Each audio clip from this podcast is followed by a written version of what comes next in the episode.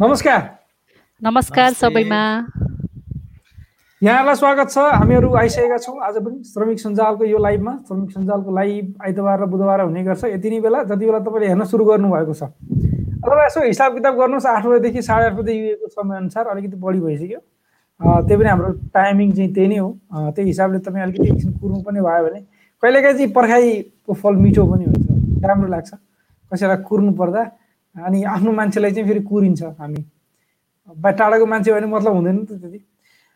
आज चाहिँ हामीले सधैँ जस्तै विभिन्न अपडेटहरू यहाँहरू समक्ष सेयर गर्नेछौँ। श्रमिक प्रदेशमा काम गर्ने नेपाली श्रमिक साथीहरूको एउटा नेटवर्क हो जसले हरेक आइतबार र बुधबार विभिन्न देशहरूको अपडेटहरू हामीलाई काम लाग्ने अपडेटहरू सेयर गर्ने गर्छौँ।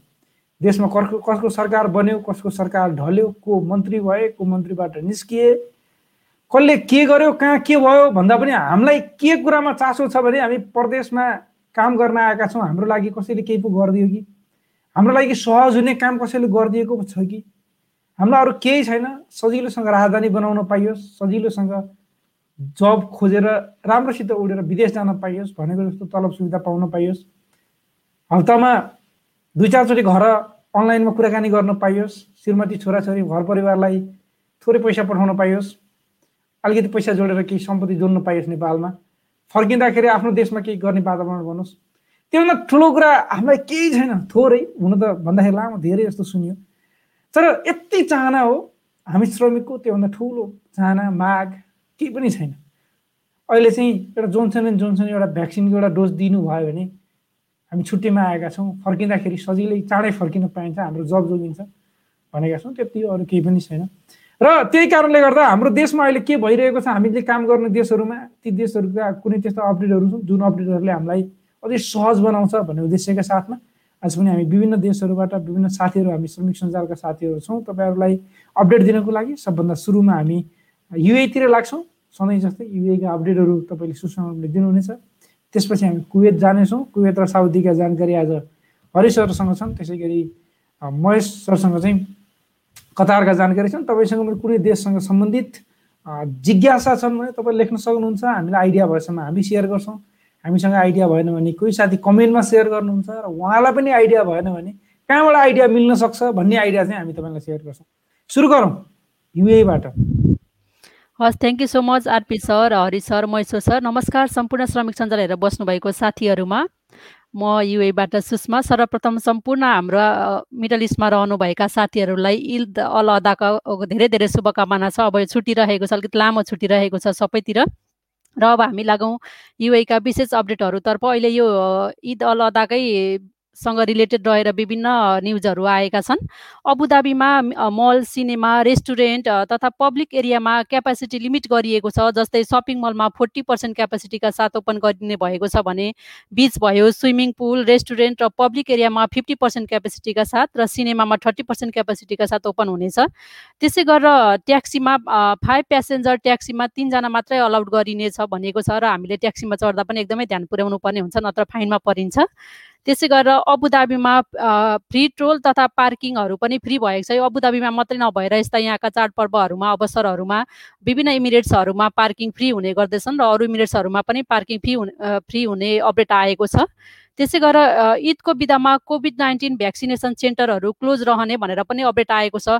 तर त्यसमा पनि screening centre City Centre Deira र मल अफ द इमिरेट्स चाहिँ ओपन रहने भनिएको छ। यदि हामीलाई जानुपर्ने भएमा त्यहाँ पनि गएर हामीले कन्ट्याक्ट गर्न सक्नेछौँ। त्यसै गरी अबुधाबीमा सेहाले अर्को covid nineteen drive through centre open गरेको छ। अहिलेसम्म युएमा बाइस स्क्रिनिङ सेन्टर क्रस भइसकेका छन् युएभित्र भनेर पनि अपडेट आएको छ र यसको टाइमिङ रहेको छ eight AM to eight PM Sunday to Thursday भने फ्राइडे चाहिँ ten AM to eight PM रहनेछ। यसमा हामीले बुक गर्नको लागि से सेहा एप्सबाट चाहिँ एपोइन्टमेन्ट लिन सकिनेछ। त्यसै गरी अहिले फ्लाइटहरू सस्पेन्डको कुराहरू पनि हजुरहरू सबैजनालाई जानकारी भएकै छ UAE India Pakistan Bangladesh flight जुलाई थर्टी फर्स्टसम्मका लागि फेरि सस्पेन्ड गरिएको छ। र अबुधाबीमा मुभमेन्ट रेस्ट्रिक्सन यो चाहिँ स्टेरिलाइजेसन प्रोग्राम भनेर भोलि जुलाई उन्नाइस उन्नाइस बाह्र एएम टु फाइभ एएमसम्म चाहिँ स्टेरिलाइजेसन प्रोग्रामको लागि मुभमेन्ट ब्यान्ड भनिएको छ। यो समयमा हामीले हिँडुल गर्दाखेरि समस्यामा पर्न सकिन्छ र यदि हामीलाई इमर्जेन्सी कन्डिसन जस्तै फुड फार्मेसी र अरू अति आवश्यक इमर्जेन्सी कन्डिसनहरूमा बाहिर निस्कनु परेमा चाहिँ एपोइन्टमेन्ट लिएर बाहिर निस्कन सकिनेछ भनिएको छ।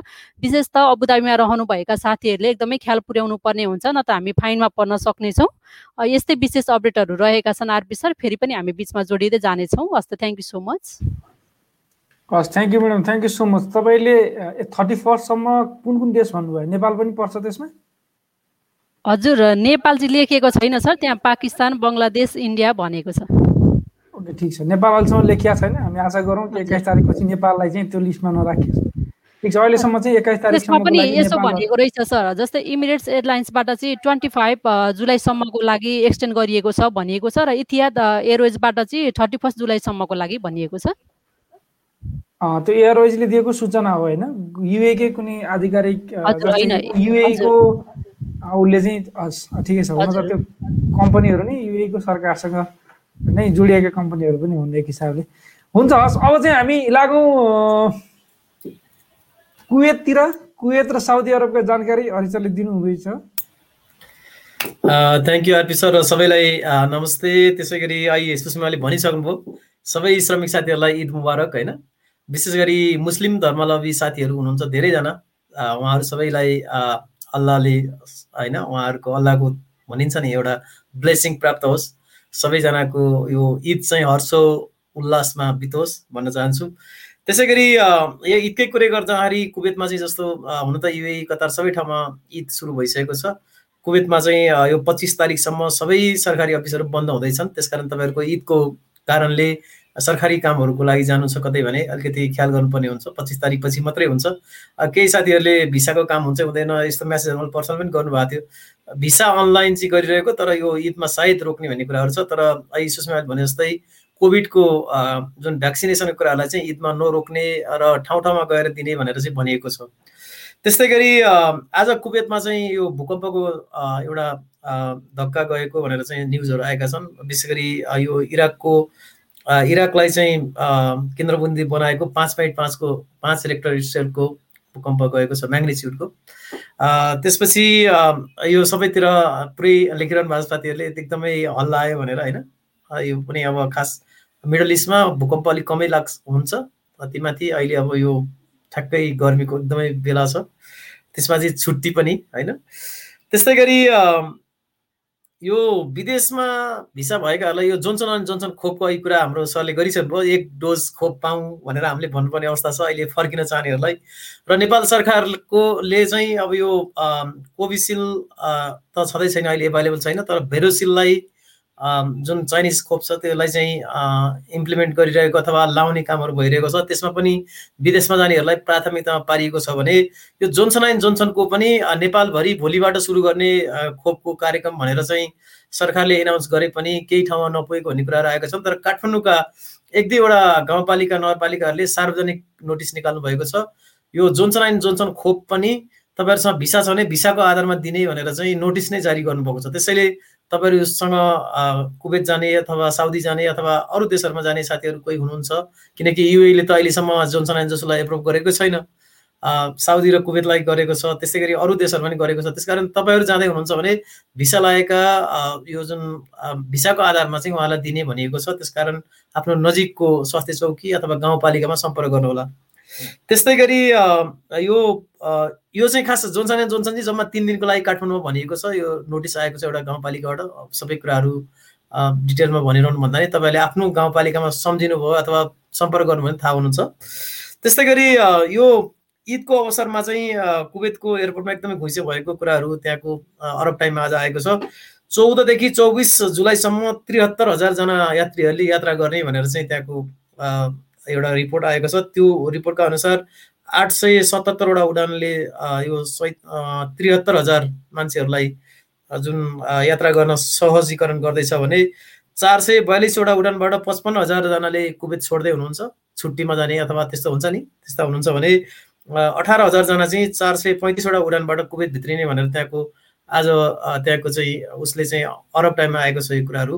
त्यस्तै गरी कोभिड भ्याक्सिनलाई एकदमै प्राथमिकता दिँदै ठुला ठुला क्याम्पहरूमा यो मोबाइल भ्याक्सिनेसन सेन्टरहरू क्याम्प क्याम्पमै होइन गाडीमा चाहिँ लगिएको छ कुवेतमा एकदम म्यासिभ रूपमा केएनपिसी लगायत विभिन्न कम्पनीहरू ठुला ठुला कम्पनीहरू सेक्युरिटी कम्पनीहरू ओइल ग्यासका फ्याक्ट्रीहरू त्यसै गरी यो जुन ठुला ठुला कम्पनीहरूमा चाहिँ यस्तो सुविधाहरू दिएको भनेर आएको छ। त्यसै गरी यो बाह्रदेखि पन्ध्र वर्षको बालबालिकाहरूलाई नि खोप दिने भनेर सुरु गरेको छ कुवेतमा हुन त अब विश्वमा सबै ठाउँमा अलिकति दिने कि नदिने डिबेट भइरहेको छ तर नि कुवेतमा लामो एक्सर्साइज पछि दिने भनेर सुरु गरिएको छ।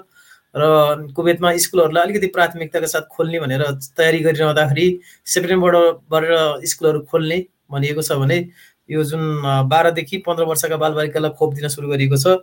त्यस्तै गरी हुन त यहाँ मैले सेयर गर्न आवश्यक थिएन तर एउटा फर्मनियामा उपचार गराइरहेका एकजना भारतीय नागरिकले आइसियुबाट सेकेन्ड फ्लोरबाट चाहिँ हाम फालेर आत्महत्या गरेका छन् किनकि आत्महत्याका रेटहरू बढिरहेका छन्। धेरै नेपाली साथीहरूले आत्महत्या गर्नुहुन्छ आत्महत्या गर्नुहुन्छ। तर अब यो अस्पतालमा उपचार गराइरहेको एकजना भारतीय नागरिकले आत्महत्या कुरा गरेको कुरालाई चाहिँ त्यहाँ एकदमै किन यस्तो भयो होला? के कारण यस्तो हुन्छ? मेन्टल हेल्थलाई कसरी त्यसलाई मेन्टेन गर्ने होइन? यस्ता कुराहरूलाई त्यहाँ चाहिँ अलिकति डिस्कसनमा ल्याइएको छ। यो हुन त सबै सबै मान्छेको एक एक किसिमको अवस्था हुँदैन। कुनै कसै कसैले अवस्थालाई त्यसलाई सहजीकरण गर्न सक्नुहुन्न र आवेगमा आएर आत्महत्या गर्नुहुन्छ तर आत्महत्या नै जुन समस्याको समाधान होइन भन्ने कुरा चाहिँ सबैले बुझ्नुपर्ने हुन्छ। त्यस्तै गरी कुवेतको मौसम अलि हिजो चाहिँ एकदमै ऋतुव भन्छ जस्तो ह्युमिड थियो। एकदमै गर्मी बढिरहेको छ। त्यसैले सबैजना एकदम टेक केयर गर्नु होला यो बिदाको दिन पनि धेरैलाई भइरहेको छ। बिदाको दिन होस् या नबिदाको दिन होस् कोभिडबाट बच्ने र बचाउने कुराहरूलाई एकदमै कुवेत सरकारले फर्स्ट प्रायोरिटी दिएको हुनाले तपाईँहरू जाँदा आउँदा होइन बस्दा खाँदा एकदम याद गर्नु होला। विशेष गरी हवाली र माबुला एरियालाई एकदमै हाई अलर्टमा राखेको कुरा हामीले लास्ट एपिसोडमा पनि भनेका थियौँ। त्यस कारण तपाईँहरू सुरक्षित रहनुहोला र साउदी अरबको एउटा सानो जानकारी छ। साउदी अरबको मक्कामा हजका लागि यो धेरै मुस्लिम धर्मावलम्बीहरू आउन सुरु गरिसक्नु भएको छ। त्यहाँ एउटा सेड्युल नै बनाएको छ कुन दिन कसरी कसरी चाहिँ अब कहाँ कहाँ जाने भनेर। र स्वास्थ्य मापदण्डलाई एकदम कडाइ बनाइने र यो वर्ष चाहिँ कोभिडको कारणले जम्मा साठी हजारजना मुस्लिम धर्म धर्मावलम्बीहरूलाई मात्रै आउन दिने भनिएको छ भने यो स्वास्थ्य मापदण्डहरू पालना गरे नगरेको हेर्नको लागि मात्रै पाँच सयजना सुरक्षाकर्मीहरू तैनात गरिएको भनेर आज अरब टाइममा खबर आएको छ। हुन त धेरैजना साथीहरूलाई थाहा छ यो यो ईदको बेला रमदानको बेलामा धेरै हज गर्ने साथीहरू जानुहुन्छ साउदी अरबमा। र अहिले पनि तपाईँहरू यात्रा गर्दै हुनुहुन्छ अथवा त्यस्तो छ भने सुरक्षित रहनु होला भन्न चाहे। अहिलेको लागि चाहिँ यति नै छ आरपी सर।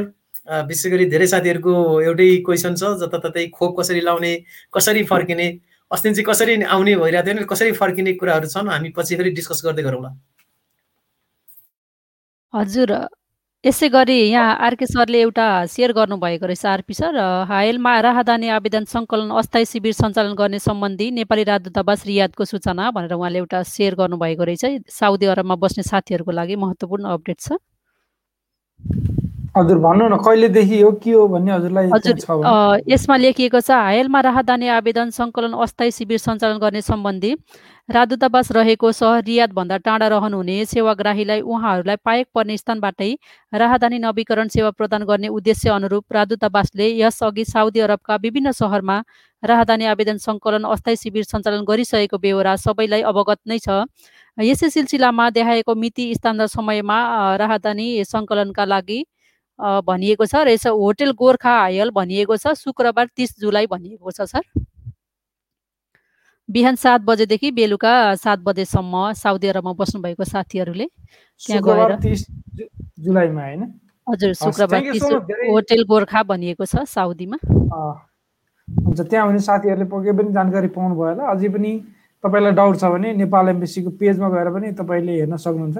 र तपाईँ जुन देशमा हामी बस्छौँ त्यो देशका एम्बेसीका पेजहरू चाहिँ फलो गर्नु गर्नु होला पहिला त्यसपछि हामीलाई। हामीलाई पहिला गरेर उहाँहरूलाई दोस्रो पनि भन्दैनौँ हामी। उहाँहरूलाई नै पहिला फलो गर्नुहोस्। कहिलेकाहीँ हामी धेरै छ त उहाँहरूकै जानकारीहरू तपाईँहरू समक्ष ल्याउने पनि काम गर्छौँ। किनभने कहिलेकाहीँ फेसबुक भनेको यस्तो चिज हो तपाईँले जे चिजलाई धेरै फोकस गर्नुहुन्छ त्यही तपाईँलाई देखाइदिन्छ। तपाईँले हाम्रो लाइभलाई फोकस गर्नुभयो हाम्रो लाइभलाई लाइक गर्नुभयो कमेन्ट गर्नुभयो रियाक्ट गर्नुभयो। लभ केयर जेसुकै गर्नुहुन्छ तपाईँले रिस तपाईँ जे जे गर्नुहोस् तपाईँलाई जे मन लाग्छ। त्यो गर्नुभयो भने तपाईँ फेसबुकले के सोध्छ भने त हाम्रो लाइभ तपाईँलाई मनपर्छ भन्ने सोध्छ। अनि अर्कोचोटि तपाईँको यसो हेर्दाखेरि देखाइदिन्छ। हामीले जे एक्टिभिटी गर्छौँ फेसबुक युट्युब भनेका त्यस्ता प्लेटफर्म हुन् उनीहरूले तपाईँको इच्छा अनुसार देखाइदिन्छन्। तपाईँ कुनै एउटा स्पेसिफिक पर्टिकुलर सब्जेक्टमा युट्युबमा भिडियोहरू हेर्नुहोस् या फेसबुकमा हेर्नुहोस् उसले भोलिपल्ट चाहिँ के देखाइन्छ तपाईँलाई? अरू मतलब छैन उसलाई। भन्न खोजेको मतलब उसको त जसरी त तपाईँलाई धेरै बेर यो प्लेटफर्ममा अड्काउनु छ। त्यसैले राम्रा चिजहरू हेरौँ राम्रा चिजहरू सुनौँ राम्रा चिजहरू सेयर गरौँ राम्रा चिजहरूलाई लाइक कमेन्ट गरौँ। बकवासका समय खेर नफालौँ कसैलाई गाली गर्नमा समय खेर नफालौँ कसैलाई गाली गरेर समय खेर फाल्यो भने समय गयो होइन? हाम्रो दिमाग पनि त्यही हिसाबले जान्छ। हामीले नेगेटिभ मात्रै सोच्छौँ त्यसैले राम्रा चिजहरू सोचौँ यो सबै भन्दै गर्दाखेरि फेरि एकचोटि भन्छु हाम्रो लाइकलाई हाम्रो लाइभलाई चाहिँ तपाईँले कमसेकम केही न केही कमेन्टमा लेख्नुहोस् केही नभए थोप्ला लाउनुहोस् अर्कोचोटि हामीले लाइभ गर्दाखेरि तपाईँले फेला पार्नुहुनेछ अब हामी लाग्छौँ कतारतिर। कतारबाट हुनुहुन्छ हाम्रो साथी महेश्वर नेपाल म्युट छ सर म्युट नमस्ते। फेसबुक लाइभको आजको यो दुई सय पन्ध्रौँ श्रृङ्खला हेरेर बस्नुभएका तपाईँ सम्पूर्ण दर्शक श्रोताहरूलाई पुनः म एकपटक स्वागत गर्न चाहन्छु। हाम्रो लाइभमा कुवेतको अपडेट हरिकृष्ण सरबाट पाइसक्नु भएको छ। युएको अपडेट हामी सुरुमै दिने गर्छौँ। तपाईँहरू अलि अन्तिममा जोइन गर्नुहुन्छ अनि त्यसपछि युएको बारेमा सोध्नुहुन्छ। सुषमा म्याडमले पहिले युएको अपडेट दिइसक्नुहुन्छ। खै केही छैन तपाईँको तपाईँले युएको बारेमा केही छुटेका छन् भने पनि हाम्रो लाइभ सकिसकेपछि तपाईँले दोहोऱ्याएर हेर्न सक्नुहुनेछ। तसर्थ यो हाम्रो लाइभ सुरु हुने बित्तिकै तपाईँहरू पनि जोइन भएर सुरुदेखि नै हाम्रो लाइभलाई हेरिराख्नुभयो भने तपाईँहरूलाई धेरै कुरा बुझ्न सजिलो हुनेछ। अहिले म कतारको बारेमा भन्छु। कतारमा आज चाहिँ केही छिटपुट वर्षा भएको छ। यो एउटा संयोग नै हो कि जस्तो लाग्छ। जब यो बकर ईद आउँछ नि त्यो ईदको बेलामा चाहिँ पानी पर्छ क्या। तपाईँहरूले नि याद गर्नुभएको होला है यो कुरो? हो यो खास ईदको बेलामा प्राय पानी आइरहेको हुन्छ सानो ठुलो। युएमा पनि हिजोदेखि मौसम अलिकति त्यस्तै त्यस्तै भइरहेको छ। कतारमा आज चाहिँ अबु समरा भन्ने स्थानमा चाहिँ अघि केही बेर अगाडि मेघ गर्जन सहित। चाहिँ पानी पर्न लागेको छ। त्यहाँको मौसम विभागले पानी पर्न सक्ने भनेर चाहिँ अनुमान गरेको थियो। अर्को मसित एउटा कतारकै जानकारी छ। कतारको दूतावास चाहिँ तिन दिनको लागि बन्द हुने भएको छ ईदको दिनमा। यो इस्लाम धर्मावलम्बीहरूको महान चाड ईद उल अदा चाहिँ जुलाई बिस तारिकदेखि बाइस तारिकसम्म चाहिँ नेपाली दूतावास बन्द हुने भएको हो। अब यो ईदको पर्व छ। तपाईँहरूको पनि अफिसहरू छुट्टी होला। रमाइलो गरौँला मोज मस्ती गरौँला भनेर सोच्दै हुनुहुन्छ भने कृपया धेरै ध्यान दिनु होला अब यो ईदको बेलामा छुट्टीको भएको बेलामा हामी समुद्री तटहरूतिर गएर पौडी खेल्ने अनि रमाइलो गर्ने गर्छौँ। यो परार एउटा घटना घटेको थियो। समुद्री तटमा चाहिँ पौडी खेल्न जाँदाखेरि एकजना नेपाली धनकुटाका एकजना नेपालीले ज्यान गुमाउनु भयो त्यो ज्यान गुमा उहाँ उता श्रीमानको ज्यान गुमेको खबर सुनेर यता श्रीमती गर्भवती हुनुहुन्थ्यो। उहाँले पनि चाहिँ आत्महत्या गर्नुभएको थियो। यो खबर देख्दाखेरि मलाई एकदम यस्तो नरमाइलो फिल भएको थियो। यो नरमाइलो मानि मानि मैले यो ईदको छुट्टीको बेलामा यो खबर लेखेको थिएँ। तपाईँहरू पनि अब यो ईदमा कतै गएर रमाइलो गर्दै हुनुहुन्छ भने कृपया यो कोभिड उन्नाइसका नियमहरू पालना गरेर चाहिँ यो ईदको छुट्टी मनाउनु होला। मैले दुवै डोज खोप लगाइसकेको छु। मलाई मास्क किन चाहियो? मैले सामाजिक दूरी किन कायम गर्ने भन्ने चाहिँ नसोच्नु होला। कतारले मा त्यो भ्याक्सिन लगाए पनि अनिवार्य रूपमा सामाजिक दूरी र यो मास्क लगाउन अनि त्यसपछि मोबाइलमा यतराज एप चाहिँ इन्स्टल गरेर एक्टिभ राखेर हिँड्नको लागि आग्रह गरेको छ। अनि तपाईँहरूलाई चाहिँ फेरि यो कोभिड उन्नाइस सरुवा रोग सङ्क्रामक रोग अनुसार चाहिँ तपाईँलाई कारवाही हुनसक्छ यो तब मैले यो जोडेँ। अब दूतावासको कुरा गर्दै थिएँ म अघि। दूतावास चाहिँ तिन दिनको लागि बन्द हुने भए पनि तपाईँलाई कुनै आपतकालीन सेवा चाहिँ चाहिएको छ तपाईँलाई कुनै अप्ठ्यारो परेको छ भने दूतावासले एउटा मोबाइल नम्बर सार्वजनिक गरेको छ। त्यो मोबाइल नम्बर नोट गर्नुहोला। Three three five six zero one one seven. तिन तिन पाँच छ शून्य एक एक सातमा चाहिँ सम्पर्क गर्नुहोला। तपाईँलाई चाहिँ एकदम अप्ठ्यारो परेको छ भने मात्रै सम्पर्क गरिदिनु होला किनभने उहाँहरू पनि बिदामा बस्नु भएको छ। कहिलेकाहीँ चाहिँ यस्तो पनि भइदिन्छ साथीहरू चाहिँ रमाइलो गर्ने बाहनामा। चाहिँ दूतावासमा फोन गर्ने यताउति गरेर यस्तो यो आपतकालीन नम्बरहरूको चाहिँ मिसयुज नगरिदिनु होला। अनि अर्को कुरा चाहिँ अब दूतावासमा तयार भएर आएको राजधानी चाहिँ जुलाई बाइस तारिकदेखि वितरण हुनेछ। जुलाई बाइस तारिक बिहान नौ बजेदेखि बाह्र बजेसम्म चाहिँ तपाईँको राहदानी वितरण हुन्छ। तपाईँ राहदानी लिन जाँदाखेरि तपाईँले पैसा तिरेको सकली रसिद अनि कतारी आइडी कार्ड र तपाईँसँग भएको पुरानो पासपोर्ट लिएर जानु होला दूतावासले आफ्नो कार्यालय चाहिँ पुनः चाहिँ जुलाई पच्चिस तारिक आइतबारबाट चाहिँ सञ्चालन गर्ने भनेको छ। अब नियमित काम कारवाही चाहिँ पच्चिस तारिकबाट चाहिँ सुरु हुनेछ। यति नै छ कतारको बारेमा। अरू थप केही आइहाल्यो भने म अपडेट गर्दै जानेछु। तपाईँहरूसँग पनि केही अपडेट छन् भने कृपया हाम्रो कमेन्ट बक्समा लेखिदिनु होला। हामी ती कमेन्टहरूलाई पढ्नेछौँ हस् धन्यवाद। हस् sir thank you so much तपाईँलाई धेरै धेरै धन्यवाद। अब यसलाई अलिकति समअप गर्दाखेरि चाहिँ कतारको सबै ठाउँमा बिदा त हुँदैछ एम्बेसीहरू पनि बन्द हुँदैछन् बिदासँगै ईदलाई सबैलाई छुट्टी चाहियो। र हामीलाई दसैँको मतलब हुँदैन विदेशमा हुँदाखेरि हुन त कसैलाई होला तर दसैँ त्यही हो हाम्रो लागि छुट्टी। छुट्टी नै दसैँ हो। त्यसैले दसैँ जस्तै मानेर बडो रमाइलोसँग मनाऊ त्यही हो। र साथै कतारमा एम्बेसीले आपतकालीन नम्बर पनि तपाईँलाई दिएको छ उहाँले भनिसक्नु भयो यदि तपाईँलाई त्यस्तो कुनै अप्ठ्यारो पऱ्यो एकदमै आपत पऱ्यो भने मात्रै उहाँलाई फोन गर्नु होला भन्ने कुरा पनि आइ नै सक्यो अब चाहिँ हामी कमेन्टतिर जान्छौँ। त्योभन्दा पहिला हरि सरले भन्नुभएको एउटा जानकारीबाट एउटा पिक गरिहालेँ मैले कि तपाईँ प्रदेशमा फर्किन चाहने हुन् चाहन जानुहुन्छ। चाहना मात्रै कुरो होइन। जानै पर्ने कन्डिसन छ। छुट्टीमा हुनुहुन्थ्यो। जोनसन जोनसनको एउटा खोप लायो भने जान पाइन्छ र तपाईँको देशले अप्रुभ गरेको छ। जस्तै साउदी अरेबिया कतार कुवेतले त अप्रुभ गरेको छ यसलाई। त्यो क्वारेन्टाइनमा बस्नु पर्दैन। त्यो लाएर आउनुभयो भने। यस्तो अवस्थामा तपाईँको भोलिदेखि सुरु हुँदैछ। तपाईँको गाउँपालिका नगरपालिका तपाईँको क्षेत्रमा जहाँनिर लगाइन्छ त्यहाँनिर छ कि छैन त्यहीँनिर फोन गरेर या गएर भोलि बुझ्नु होला। तपाईँ जुन ठाउँमा हुनुहुन्छ नेपालको जुनसुकै ठाउँमा टाढा छैन होला टाढा छ भने कसैलाई फोन गर्नुहोस्। गाउँको पदाधिकारीहरूको कसैको न कसैको नम्बर त छ त्यसैले त स्थानीय सरकार छ त्यसैले त प्रदेश सरकार छ अहिले। त्यसैले स्थानीय निकायले चलाउँछ। यो कस्तो छ भने सरकारले इनके सरकारले विधिवत रूपमै निर्णय गरोस् नगरोस् स्थानीय सरकारले त्यो त्यहाँको निकायले चाह्यो भने हुन्छ यो। अहिलेको कन्डिसन त्यस्तो हो कि। र त्यहाँको निकायसँग हामी नजिक हुन्छौँ। हाम्रा काका चाचा अङ्कल मामा त्यो कोही न कोही हुन्छ त्यहाँ। मतलब उहाँहरूले हामीलाई त हाम्रो समस्या बुझ्नुहुन्छ नि त। मेरो भान्जो भोलि जान पाएन भने उसको चाहिँ जागिर जान्छ उसको जागिर भयो भने उसको घरमा यहाँ उसले चाहिँ छोराछोरी पढाइरहेछ दुईजना उहाँ बडो ठुलो पाँचजना छजनाको परिवार पालिरहेको छ भने आफ्नो मामालाई त थाहा छ। मतलब मतलब यो एउटा सिम्बल मात्रै कुराकानी गरेँ भन्न खोजेको त्यो कारणले गर्दाखेरि पनि अहिले हाम्रो एक्सेसेबल एक्सेसेबल भनेर जुन एउटा पाउन सक्ने सुविधा छ। त्यो छ। त्यसैले तपाईँले जोन्सन एन्ड जोन्सनको खोप सरकारले यो निर्णय गरेको छ ऊ निर्णय गरेको छ भन्दा पनि हामीले बुझिसक्यौँ। त्यो ठाउँमा चाह्यो भने दिन सक्छ र दिन सक्नुहुन्छ। अब भ्यालिड रूपमा जानु पऱ्यो तपाईँ झुटमुटको कुरा होइन। तपाईँ रियलमै फर्किँदै हुनुहुन्छ। तपाईँसँग भिजा छ पासपोर्ट छ होइन? सबै छ रेडी छ भनेदेखि तपाईँ जानु होला। त्यो भयो भने तपाईँलाई भोलिकै दिनमा भोलि पर्सि एक दुई दिन हुँदैछ। तपाईँलाई सहज हुन्छ। त्यो हाम्रो तपाईँ साथीहरूलाई अनुरोध हो।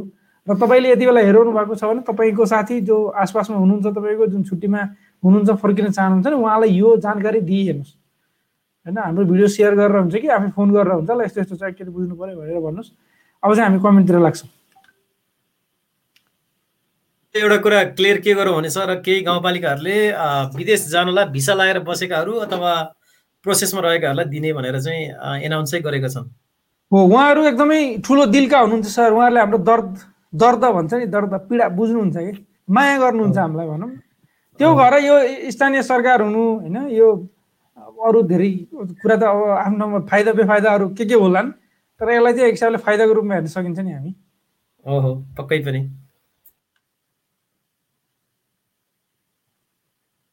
जो जो साथीहरूले नमस्कार नमस्कार लेख्नु भएको छ एकजना साथीले त यहाँ पक्ष र विपक्षको कुरा पनि लिनु भएको छ। हामी राजनीतिका कुरा गर्दैनौँ भन्दै थियौँ।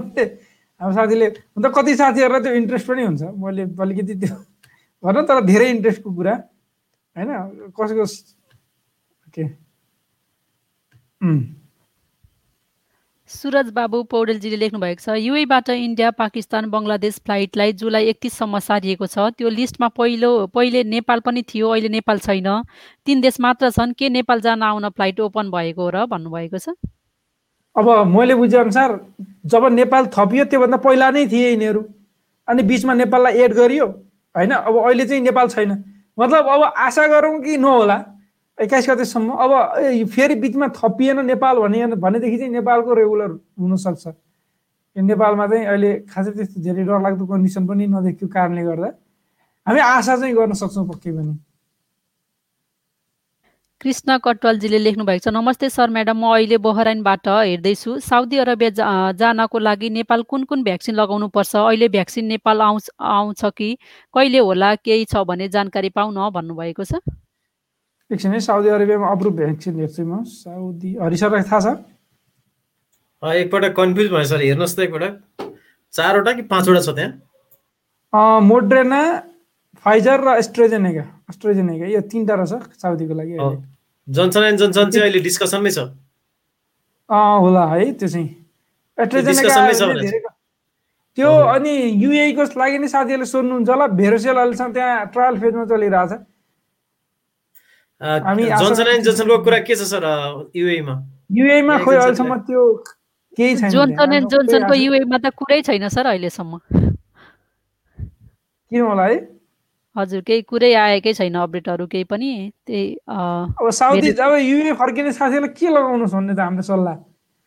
भेरोसेल लाउनुहोस् भन्ने कि जोन्सन एन्ड जोन्सन लाउनुहोस् भन्ने भेरोसेल चाहिँ अप्रुभ हुन सक्ने चान्स छ नि त हजुर अहिले अब ट्रायल फेजमा रहेको हुँदाखेरि चान्स चाहिँ भेरोसेलकै भयो किनकि जोन्सन एन्ड जोन्सनको त अब कुनै अहिलेसम्मको स्टार्टिङै नभएपछि चान्स चाहिँ भेरोसेलको होला कि भन्ने चाहिँ हो आशा चाहिँ सर। हो हो जस्तै अब कतारको कुराकानी गर्ने भने कतारमा अप्रुभै भएको चाहिँ मोड्रेना र तपाईँको अर्को एउटा खोप छ दुईवटा मात्रै हो। मोड्रेना र फाइजर हो तर एस्ट्रेजेनेका र ऊ लागेको मान्छे पनि आउनु पाउने भन्छ कतारले होइन? भन्नाले एस्ट्रेजेनेका र जोन्सन जोन्सन लागेको पनि आउनु चाहिँ पाउने भन्ने छ कि कतारको? तर अप्रुभ भनेर त्यसको वेबसाइटमा अथवा उनीहरूले गभर्मेन्टले अप्रुभ गरेको चाहिँ मोड्रेना र फाइजर हो। त्यसै गरी युएले पनि एस्ट्रोजेनेका चाहिँ के अरे जोन्सन जोन्सन लागेको आउन चाहिँ पाउने भन्ने भनिदिने हो भने पनि सजिलो हुन्थ्यो। त्यसको लागि चाहिँ केही कुटनीति पहल गरेर अथवा अलिकति त्यो कुराकानी गरेर हुन्थ्यो होला कि? दुर्गा प्रसाद ढकालजीले लेख्नु भएको छ वैदेशिक रोजगारमा जाने कामदारलाई भोलिदेखि सुरु हुन लागेको खोप जोन्सन एन्ड जोन्सन लगाउन दिने निर्णय भयो कि नै? यदि दिने निर्णय भएको छ भने कहाँ जान जाने लगाउन भन्नुभएको छ? त्यो अहिले भनिसक्यौँ। तपाईँ दिने निर्णय ननिर्णय भन्दा पनि तपाईँको गाउँपालिका नगरपालिका स्थानीय सरकारले यसमा तपाईँ हामीलाई अलिकति सपोर्ट गरेर भन्छु मैले चाहिँ यसलाई। दिन सक्ने सम्भावना भएकोले आफ्नो नजिकैको खोप केन्द्र गाउँपालिका नगरपालिका जहाँ छ त्यहाँ सम्पर्क गर्नु होला सिर्जना गुरुङजीले लेख्नु भएको छ दाई भ्याक्सिन हामीले लागेको छैन जरुरी लाउनै पर्छ कि नै? दाई मलाई एलर्जी छ त्यही भएर ज्यान पनि सन्चो भइरहँदैन। भ्याक्सिन लाउँदा पछि केही गाह्रो हुन्छ भने भन्नुभएको छ। हजुर यदि हजुरलाई अलिकति स्वास्थ्यमा केही समस्याहरू छ भने चाहिँ भर्सक एकपल्ट डक्टरसँग बुझेर हजुरले त्यो के कस्तो हुन्छ बुझेर चाहिँ लिँदा राम्रो हुन्छ होला जस्तो लाग्छ? डक्टरसँग बुझेर र तपाईँले भ्याक्सिन लाउनलाई रिस्की छ अथवा भ्याक्सिन लाउन अप्ठ्यारो छ भनेदेखि एउटा कुनै पेपर त्यस्तो टाइपको ताकि तपाईँलाई भ्याक्सिन लगाउन यो कारणले गर्दाखेरि हजुर। अप्ठ्यारो छ भने कुनै डक्टरको पेपरहरू भयो भने सिर्जनाजी चाहिँ कुवेतमा हुनुहुन्छ होइन? उहाँले चाहिँ कुवेत सरकारको कुनै पनि स्थानीय निकाय अथवा स्वास्थ्य निकायमा गएर यस्तो छ भनेर एकपल्ट चेक गराउनु भयो भने राम्रो हुन्छ। तपाईँलाई यदि खोप लाउन यज्ञ हुनुहुन्न भने त्यहाँको स्वास्थ्य मन्त्रालयले तपाईँलाई उहाँलाई खोप लाउँदाखेरि अर्को समस्या हुनसक्छ भनेर एउटा लेटर लेखिदिन्छ। त्यो भयो भने तपाईँले जहाँ पनि ट्राभल पनि गर्न सक्नुहुन्छ। अहिलेको प्रावधान त्यही छ। खोप लगाए सरहको हिसाबले मान्यता पनि जस्तो पनि हुन्छ नि त होइन? होइन भने खोप नलाइकन हिँड्न नपाइने भन्ने भएपछि त। हजुर सर अब यहाँ पनि जस्तै अब कति होइन क्रोनिक डिजिजहरू भएको त्यस्तो समस्या भएको व्यक्ति श्वास प्रश्वासमा समस्याहरू आएको व्यक्तिहरू कतिलाई अब साइड इफेक्टहरू गर्छ कति दीर्घकालीन समस्याहरू आउलान् भनेर त्यस्तो यहाँ छुटहरू दिइएको छ। अनि यो यो पढिसक्नुभयो हामीले। हजुर अब यसको पालि यो क्वेसन नारायण खड्का छेत्रीजीले लेख्नु भएको छ नमस्कार सर कतारको न्यू भिजा पाउने नपाउने के कस्तो होला सर? जानकारी पाउन भन्नुभएको छ। के छ? कतारको भिसा त अब नपाउने भन्ने छैन पाइन्छ। कतार जान पनि अहिले सजिलो छ। युए जान जस्तो गाह्रो छैन। दुवै खोप लगाएर आएकालाई चाहिँ क्वारेन्टाइन पनि बस्नु पर्दैन। होम सिधै कम्पनीको उसमा गयो हुन्छ। तपाईँ नयाँ जान लाग्नु भएको हो भने चाहिँ अब मेन पावर मार्फत जानु होला। त्यो हो भने सजिलो हुनेछ। अब मेन पावरमा डिमान्डहरू आएको छ भने तपाईँ जान सक्नुहुन्छ कतार जानै नपाउने भन्ने छैन।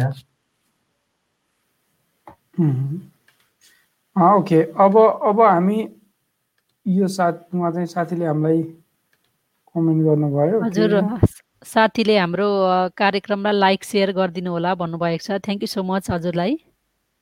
जो जो साथीहरू युट्युबबाट हेर्दै हुनुहुन्छ उहाँलाई अझै धेरै विशेष धन्यवाद। सुरेश भट्टराईजीले लेख्नु भएको छ म नेपाल छुट्टी आएको चार महिना पुग्न लाग्यो। म दुवै डोज खोप लगाएर नै छुट्टी आएको हो। अहिले नेपालबाट कतार हुँदै अजरबैजानमा चौ चौध दिन क्वारेन्टाइन बसेर युए जान पाइन्छ अरे। त्यो बाटो भएर आउन सकिन्छ कि? कस्तो के हो जानकारी भए प्रष्ट बनाइदिनु होला भन्नुभएको छ। यसको लागि चाहिँ यहाँ युएबाट आज नरेसेन सर उहाँ ने नेपाल एसोसिएसनमा आबद्ध हुनुहुन्छ। उहाँले पनि आज एउटा जुम मिटिङ गर्नुभएको छ लाइभबाट। हजुरले उहाँको लाइभ हेर्नुभयो भने पनि यसको बारेमा केही आइडियाहरू लिन सक्नुहुनेछ भन्न चाहन्छु। हजुर के के थियो? खर्चिलो खर्चिलो बाटो किन रोज्नुहुन्छ? भोलि तपाईँलाई युएबाट अजरबैजानबाट युए जान लाग्दा नेपालबाट आएको रहेछस् भनेर फर्काइदियो भने के गर्ने? भोलि चाहिँ तपाईँको तपाईँलाई युएको अध्यागमनले चाहिँ कारवाही गरौँ भने के हुन्छ? त्यो पनि अलिकति चाहिँ विचार गर्नु होला किनभने सजिलो छैन तपाईँ यहाँबाट अजरबैजान हुनु नेपालीलाई अनराइभल भिजा होला युएको चाहिँ देखायो भने। तैपनि तपाईँ यहाँबाट अजरबैजान जाने हो भने चाहिँ त्यो अजरबैजानबाट नेपाल आउने टिकट रिटर्न टिकट खोज्छ एयरलाइन्सले। तपाईँले त्यो रिटर्न टिकट बनाउनु पऱ्यो अनि नत्र त त्यति सजिलो चाहिँ छैन तपाईँले भनेर जति सोचिराख्नु भएको छ सजिलो तरिकाले त्यति सजिलो छैन। केही समय होल्ड गर्नुहोस् खोप लगाउनुहोस् अनि जानुहोस्। अब त्यो एकदम सहज हुनसक्छ कि? धेरै हात्ती हेर्नुपर्छ जस्तो चाहिँ मलाई पनि लाग्दैन। तपाईँ कतार एयरवेजबाट कतार एयरवेजबाट जानुपर्ने हुन्छ। कतार एयरवेजले टु वे टिकट खोज्छ खोइ त तेरो फर्केर आउने टिकट खोइ।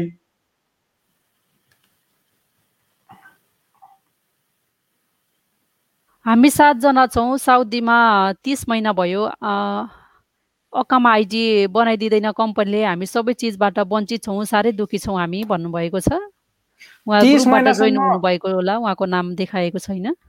तिस महिनासम्म कम्पनीले आइडी नबनाइदिँदा तपाईँहरू चुप लागेर किन बस्नु भयो पहिलो कुरा। तपाईँहरूलाई क्वेसन मेरो चाहिँ।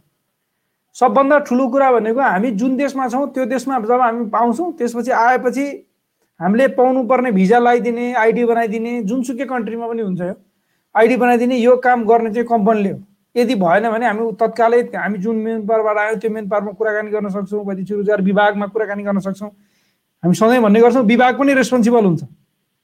हामीलाई त्यो श्रम लाएर त्यो श्रममा हामीले पैसा तिरेर यतिकै गएन नि त। विभागले हामीलाई जो बाबु यो कम्पनी ठिक छ तिमी गएर काम गर्दाखेरि केही टेन्सन हुँदैन हामी पनि जिम्मेवार छौँ भनेर त्यो श्रमको स्टिकर दिएर पठाएको हुन्छ त्यही भएर सबभन्दा पहिलो कुरो अब समस्या त परिहाल्यो तपाईँ तिन तिस महिनासम्म दिएर अब यसको लागि चाहिँ के गर्न सकिएला भने अहिलेको लागि त मलाई के लाग्छ भने एमबेसीलाई नै कन्ट्याक्ट गर्ने होला। होइन अरे सर अरू के गर्न सकिएला? अहिले चाहिँ उहाँहरूले एमबेसी नै हो। त्यसपछि आफ्नो आफूलाई पठाउने एजेन्टहरू हुन्छ नि मेन पावर एजेन्सी। त्यहाँ नै हो। त्यो त तिनीहरूले त के तिस महिना भनेको त दुई वर्षभन्दा पनि धेरै हो। होइन यस्तो यस्तो गर्न सकिन्छ। अब साथीहरूलाई के सल्लाह दिन चाहन्छु भने जस्तो तपाईँको अहिले वैदेशिक रोजगार विभागमा होइन? तपाईँको एउटा हटलाइन छ तपाईँ कम्प्लेन गर्न पाउँछ। उहाँहरू त आउनु पाउनु तर उहाँहरूको परिवार आफै आएर सबै सप्रमाण होइन? यस्तो यो मेन पावरबाट गयो यो यो केस भयो यस्तो भयो भनेर केसहरू दर्ता गर्न सक्नुहुन्छ। यहाँ आफ्नो परिवारहरूले मेन पावरमा भिजिट गरेर उहाँलाई दबाब दिन सक्नुहुन्छ। सबै धेरै कुराहरू छन् तर चुपचाप बस्यो भने त कसैले सुन्दैनन्। त्यस कारणले उहाँहरूले नै त्यसलाई प्रोसेस वाइज जाने हो। हो अब एउटा कुरा यस्तो पनि हुन्छ। मानव उहाँको आइडी चाहिँ बनाएको छैन अथवा आइडी बनाएको छ कम्पनीले दिएको छैन। उहाँहरूले पाउनुपर्ने स्यालेरी सुविधाहरू सब पाइराख्नु भएको छ। उहाँले सबै चिजबाट वञ्चित छौँ भन्नुभएको छ। अब सबै चिज भन्नाले के के चिज हो? होइन खाना बस्न स्यालेरीहरू पनि नपाउनु भयो अघि अथवा त्यो आइडी कार्ड नभएकोले हुने वञ्चितहरू जस्तै खोप लगाउनको लागि त्यो पनि हाम्रो आफ्नो अधिकारको कुरा हो। त्यसको लागि चाहिँ अरू सबै चिज दिया छ र कार्ड मात्रै नदिएको भने कम्पनीसँग कुराकानी गर्नु पऱ्यो एकचोटि। हाम्रो भिजा चाहिँ साँच्चीकै छ कि छैन? होइन तपाईँहरूलाई काम लगाइरहेको छ कम्पनीले इलिगल रूपमा हुनुहुन्छ। किनभने भिजै छैन भने त यत्रो समयसम्म इलिगल हो हिसाबले अनडकुमेन्टेड भनौँ न यसलाई डकुमेन्ट नभएको। त्यो भएर यी सबै चिजहरू एकचोटि आफूले पत्ता लगाउनुहोस्। तपाईँ कुन स्टाटसमा हुनुहुन्छ अहिले? त्यसपछि कम्पनीले नै सबै गरिदिएर तपाईँको अकाउन्ट मात्रै तपाईँलाई नदिएको हो भने कम्पनीसँग त्यो माग्नु पऱ्यो होइन भने एमबिसीमा कन्ट्याक्ट गर्ने उता यता फ्यामिलीलाई भनेर मुद्दा हाल्न पाइन्छ नेपालमा। सबै प्रमाणहरू तपाईँले नपाएको सबै चिजहरू दिएर होइन गभर्मेन्टबाट जानुभयो यो सबै। हजुर यस्तो सेम केस अहिले यहाँ साउदीमा साथीहरूले सेयर गर्नुभयो। लास्ट इयर युएमा पनि धेरैजना ग्रुपलाई सेम केस आएको छ। उहाँहरूलाई झन्डै एक वर्ष जस्तो हुँदाखेरि उहाँहरूसँग साथमा आइडीहरू नभएकोले गर्दा कोभिडको टाइममा स्वास्थ्य समस्या हुँदाखेरि हस्पिटलमा गएर चेक गर्न पनि पाउनु भएको थिएन। एकदमै समस्या भएर विभिन्न निकायहरूसँग कुराकानी गर्यो। अन्तिममा चाहिँ अब धेरै समस्याहरू भइसकेपछि उहाँहरूले धेरैतिर कन्ट्याक्ट गरेर नेपाल चाहिँ फर्काउनु भयो त्यसपछि के गर्नुभयो चाहिँ त्यसपछि आइडिया भएन। यस्ता धेरै समस्याहरू चाहिँ आइरहँदा रहेछन् युएमा पनि। नेपाल साउदीमा? नेपाल युएमा पनि। युएमा लास्ट इयर पनि थियो। घर घर फर्किसकेपछि त खासै समस्याहरू त्यस्तो हुँदैन त्यो भएर साथीहरूको खास कन्ट्याक्ट हुँदैन है। कति समस्या यस्तो हुन्छ। होइन यस्तो हुन्छ जस्तो उहाँहरू त्यहाँ कुवेत बस्दाखेरि अथवा युए बस्दा अथवा साउदी बस्दा त्यहाँकै समुदायहरू त्यहाँकै दूतावासहरूसँग सम्पर्क गर्नुहुन्छ। केस सल्भ भएपछि यहाँ आएपछि पनि उहाँहरूले निरन्तर आफूले पाउने अधिकारको लागि चाहिँ लड्नै पर्छ। जस्तो अब तिस महिना भने त अलिकति कम होइन। जस्तो अहिले आरबिसाले भने जस्तै उहाँले सेवा सुविधा केही पनि नपाइकन त बस्नु नथ्यो होला। सायद आइडी मात्रै प्रोभाइड नगरे हो कि अथवा आइडी कम्पनीले होल्ड गरे पनि हुनसक्छ। तिस महिना त्यत्तिकै बस्दाखेरि त उहाँहरूको ओभर स्टे गरामा भन्छ नि ओभर स्टे फाइन हुन्छ नि उहाँहरूलाई त उहाँहरूमाथि अत्याचार हो यो। यो मानव अधिकारको हनन। अँ यसो भन्दै गर्दाखेरि मानव अधिकारको हननको कुरा आयो यहाँ। मानव अधिकार आयोग राष्ट्रिय मानव अधिकार आयोगले पनि वैदेशिक रोजगारीमा जाने व्यक्तिलाई खोप जुन देशले मान्यता गरेको मान्यता गरे अनुसार खोप दिनुपर्छ भनेर सरकारलाई आग्रह गरेको एउटा म्यासेज लेखाएको छ त्यो के भन्छ लेटरलाई के भन्ने त्यसलाई? अनुरोध पत्र। अनुरोध पत्र त्यो साथै कोभिडको कारणले जब नपाएका अथवा जबमा अप्ठ्यारो परेका जबबाट निकालिएका यी सबै श्रमिकहरूको लागि पनि केही गर्नुपर्छ भनेर भनेको छ। राष्ट्रिय मानव आयोग मानव अधिकार आयोग। नेपालले उहाँहरूलाई थ्याङ्क यू सो मच हाम्रो कुरालाई सरकार समक्ष पुर्याउनलाई घचघचाउनु भएकोमा धेरै धेरै धन्यवाद दिन चाहन्छौँ हामी। र यो मानव अधिकार त्यो अहिले हाम्रो साथीको कुराकानी गर्दै थियौँ तिस महिनासम्म तपाईँलाई यदि कम्पनीले काम पनि नदिइकन यो सबै हुन त अलिकति यो उस्काउनु गरे जस्तो सुनिएला कुरा। तर हाम्रो अधिकारको कुरा हो नि त एउटा मान्छेले पाउनुपर्ने सिम्पल अधिकार हो क्या त्यो चाहिँ हामीले पाउनुपर्छ। सबैले बुझ्नुपर्ने कुरा हो बेसिक कुरा। पूर्ण बहादुर विकजीले लेख्नु भएको छ आरपी सर नमस्कार। साउदी अरबिया आएको नाइन नौ महिना भयो। म बिमारी चार महिना कम्पनी हेर्दैन नेपाल पनि पठाउँदैन। कसरी नेपाल जान सक्छु हो सर? जानकारी पाउन सक सकिन्छ कि भन्नुभएको छ? सेम उहाँ पनि बडो समस्याको कुरा साउदी अरबबाटै है। के भन्ने उहाँलाई के कम्पनी के अरे एमबिसी कन्ट्याक्ट गर्नुपर्छ भन्नु पर्ला होइन? उहाँलाई पनि एमबिसीमा कन्ट्याक्ट त्यही एमबिसीमा कन्ट्याक्ट गर्नु पर्यो। एमबिसीले कहिले काहीँ सुनेन भने यहाँ आफ्नो परिवारलाई परराष्ट्र मन्त्रालयमा पठाएर परलाई परराष्ट्र मन्त्रालयमा एउटा निवेदन दिएर मेरो चाहिँ यस्तरी बिरामी भएको मान्छेलाई झिकाइ पाउँ भनेर। अनि परराष्ट्र मन्त्रालयले मेन पावर व्यवसायी र कम्पनीसँग समन्वय गरेर एमबिसीलाई नै अलिकति झजुक गर्नु नै सक्छ। त्यो पनि ओए छ जस्तो सम्प्ल कुनै समस्या पऱ्यो भने पराठा मन्त्रालयमा गएर निवेदन हालेपछि त्यसले पनि अलिकति काम चाहिँ गर्छ। उहाँको बिरामीको केसमा कम्पनीले हेरेन भनेपछि त अलिकति ठुलै केस भयो चाहिँ जस्तो होइन अब धेरै इलिगल हुनु मात्रै भन्दा त बिरामी हुनु त झन् ठुलो कुरा हो नि त। झन् सिरियस केस भयो नि त। यसै गरी यहाँ नन्द पाण्डेजीले अलिकति गुनासो पोख्नु भएको छ। हजुरहरूले बोले जस्तो सजिलो हुन्न कतिको यो पीडा छ भन्नुभएको छ। अवश्य पनि अब हामीले त आइडियाहरू सेयर गर्ने हो। हजुर भोग्नेलाई धेरै समस्याहरू भइरहेको हुन्छ। हो। त्यही त नि। हामीले चाहिँ अब पीडा परायो बेला फेरि यो अरूले कुरा गर्दा नि ठुला कुरा गरेँ यहाँ मलाई कस्तो पराएको छ भन्ने लाग्छ होइन। त्यो भएर म चाहिँ सधैँ के भन्छु भने हामी एकजना साथीले शुभकामना दिनुभएको छ हाम्रो नयाँ प्रधानमन्त्री बन्नुभएको छ भनेर उहाँलाई थ्याङ्क यू सो मच तपाईँलाई धेरै धेरै धन्यवाद छ। भन्दा हामीले भन्दा नि प्रधानमन्त्रीजीले दियो हुन्थ्यो यो। उहाँसम्म चाहिँ कसैले पुर्याइदियो हुन्थ्यो श्रमिक सञ्जालमा श्रमिकहरू छन् तपाईँलाई बधाई दिएका छन् श्रमिकहरूले विदेशबाट भने उहाँले हाम्रा समस्या सुनिदियो हुन्थ्यो ध्यान दिएर। हामीलाई श्रमिकले यत्रो सम्झिनु हुँदो रहेछ। हामीले पनि श्रमिकको निम्ति केही गर्नुहुन्छ भन्ने उहाँले सोच्नुहुन्थ्यो कि त्यसपछि? ओहो। अनि फेरि एउटा कुरा चाहिँ हामी साथीहरूलाई एउटा जानकारी गरौँ यसो भन्दै गर्दाखेरि फेरि कहिले काहीँ चाहिँ के लाग्ला भने यिनीहरू कुनै पार्टीसँग हुन्छ नि कुनै एसोसिएट पो छन् कि भन्ने पनि लाग्नु सक्ला। श्रमिक सञ्जाल विशुद्ध गैर राजनीतिक एउटा संस्था हो। भन्नाले होला श्रमिक सञ्जालभित्र विभिन्न साथीहरू आफ्नो आफ्नो आस्था राख्नुहुन्छ होला त्यो पक्कै पनि सबैको अधिकारको कुरा हो। तर हाम्रो संस्थामा हामी सबै कहिलेकाहीँ भेट हुँदाखेरि हाम्रो लाइनमा कुरा हुँदैन। कहिले पनि कुनै पार्टी कुनै एउटा पार्टीको फेभरमा अनफेभरमा रहेर कहिले कुराकानी हुँदैन। होला पर्सनको विषयमा कोही पर्सन राम्रो हुनुहुन्छ कोही पर्सन नराम्रो भने पनि सबै पार्टीका मिक्स भएर आउनुहुन्छ। त्यो कारणले गर्दा हामी कुनै पार्टीसँग एसोसिएट नभएका संस्था पनि हौँ त्यो पनि साथीहरूलाई मैले हाम्रो हाम्रा धेरै अगाडि जसले संस्था सुरु गर्नुभयो श्रमिक सञ्जाल उहाँहरूले सेयर गर्नुहुन्छ हामीसँग। तर त्यो त्यो चाहिँ भन्न बिर्सिँदो रहेछ कि? मैले चाहिँ हामी गैर राजनीतिक हौँ है भनेर भने हामी चाहिँ राजनीति कुनै राजनीतिक पार्टीसँग आस्था चाहिँ राख्दैनौँ। कसै यो एउटा रा आस्था राखेको संस्था चाहिँ हाम्रो होइन फेरि। मैले त आरपी सर आजसम्म कुनै पनि पार्टीलाई एक भोट पनि हालेको छैन। मैले जिन्दगीमा एक चाहिँ भोट हालेँ दुईवटा भोट हाल्न पाइन्थ्यो। नत्र विदेशमा भयो कति वर्ष। कसलाई हाल्यो चाहिँ नहुनु। हजुर। किरण पौडेलजीले लेख्नुभएछ नमस्कार सर अहिलेसम्म भ्याक्सिन लाउन पाएको छैन। कसरी लाउँ? के सम्पर्क गर्न सर? केही जानकारी पाऊँ सर?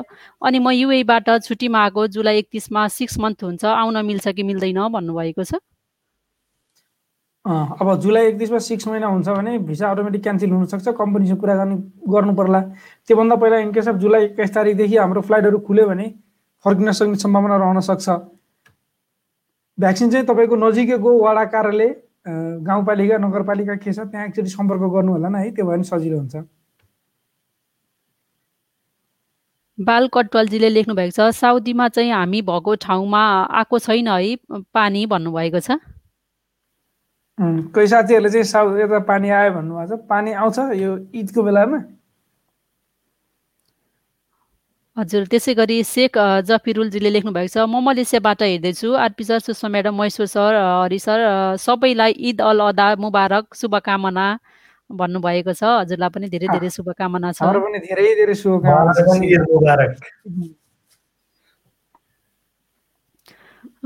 बकर ईद है? बकर ईद है? खाने ईद हो यो चाहिँ मजाले। खाने घाइते मुटु हुँदो रहेछ। इन्जियोर हार्ट भन्नुभएको छ। आफू पनि बचाउँ र अरूलाई पनि बचाउँ। कोभिड नाइन्टिनबाट हजुरहरूको यो कार्यक्रमले आम नेपालीलाई सहयोग प्राप्त भइरहेको छ। अझै राम्रो कार्यक्रम सञ्चालन होस् धेरै आभारी छु र हजुरहरूलाई धन्यवाद टक्राउन चाहन्छु भन्नुभएको छ। थ्याङ्क यू सो मच हजुरको इन्करेजमेन्टको लागि अवश्य पनि। हामी हामी सबैलाई आफू आफूलाई हामी सुधार्दै अझै अवश्य पनि राम्रो कार्यक्रमहरू ल्याउने कोसिस गर्नेछौँ। वाङदे लामा डङजीले लेख्नुभएछ नमस्कार म अबुधाबीबाट हामीले सिनोफर्म भ्याक्सिन सेकेन्ड डोज लगाइसक्यो। अहिले थर्ड डोजको लागि फाइजर लगाउने कुरा छ। त्यो पनि दुई डोज लगाउने सोचिरहेको छ। सिनोफार्म लगाउँदा राम्रो होला कि फाइजर लगाउँदा राम्रो होला? बताइदिनुहुन्छ कि? भन्नुभएको छ।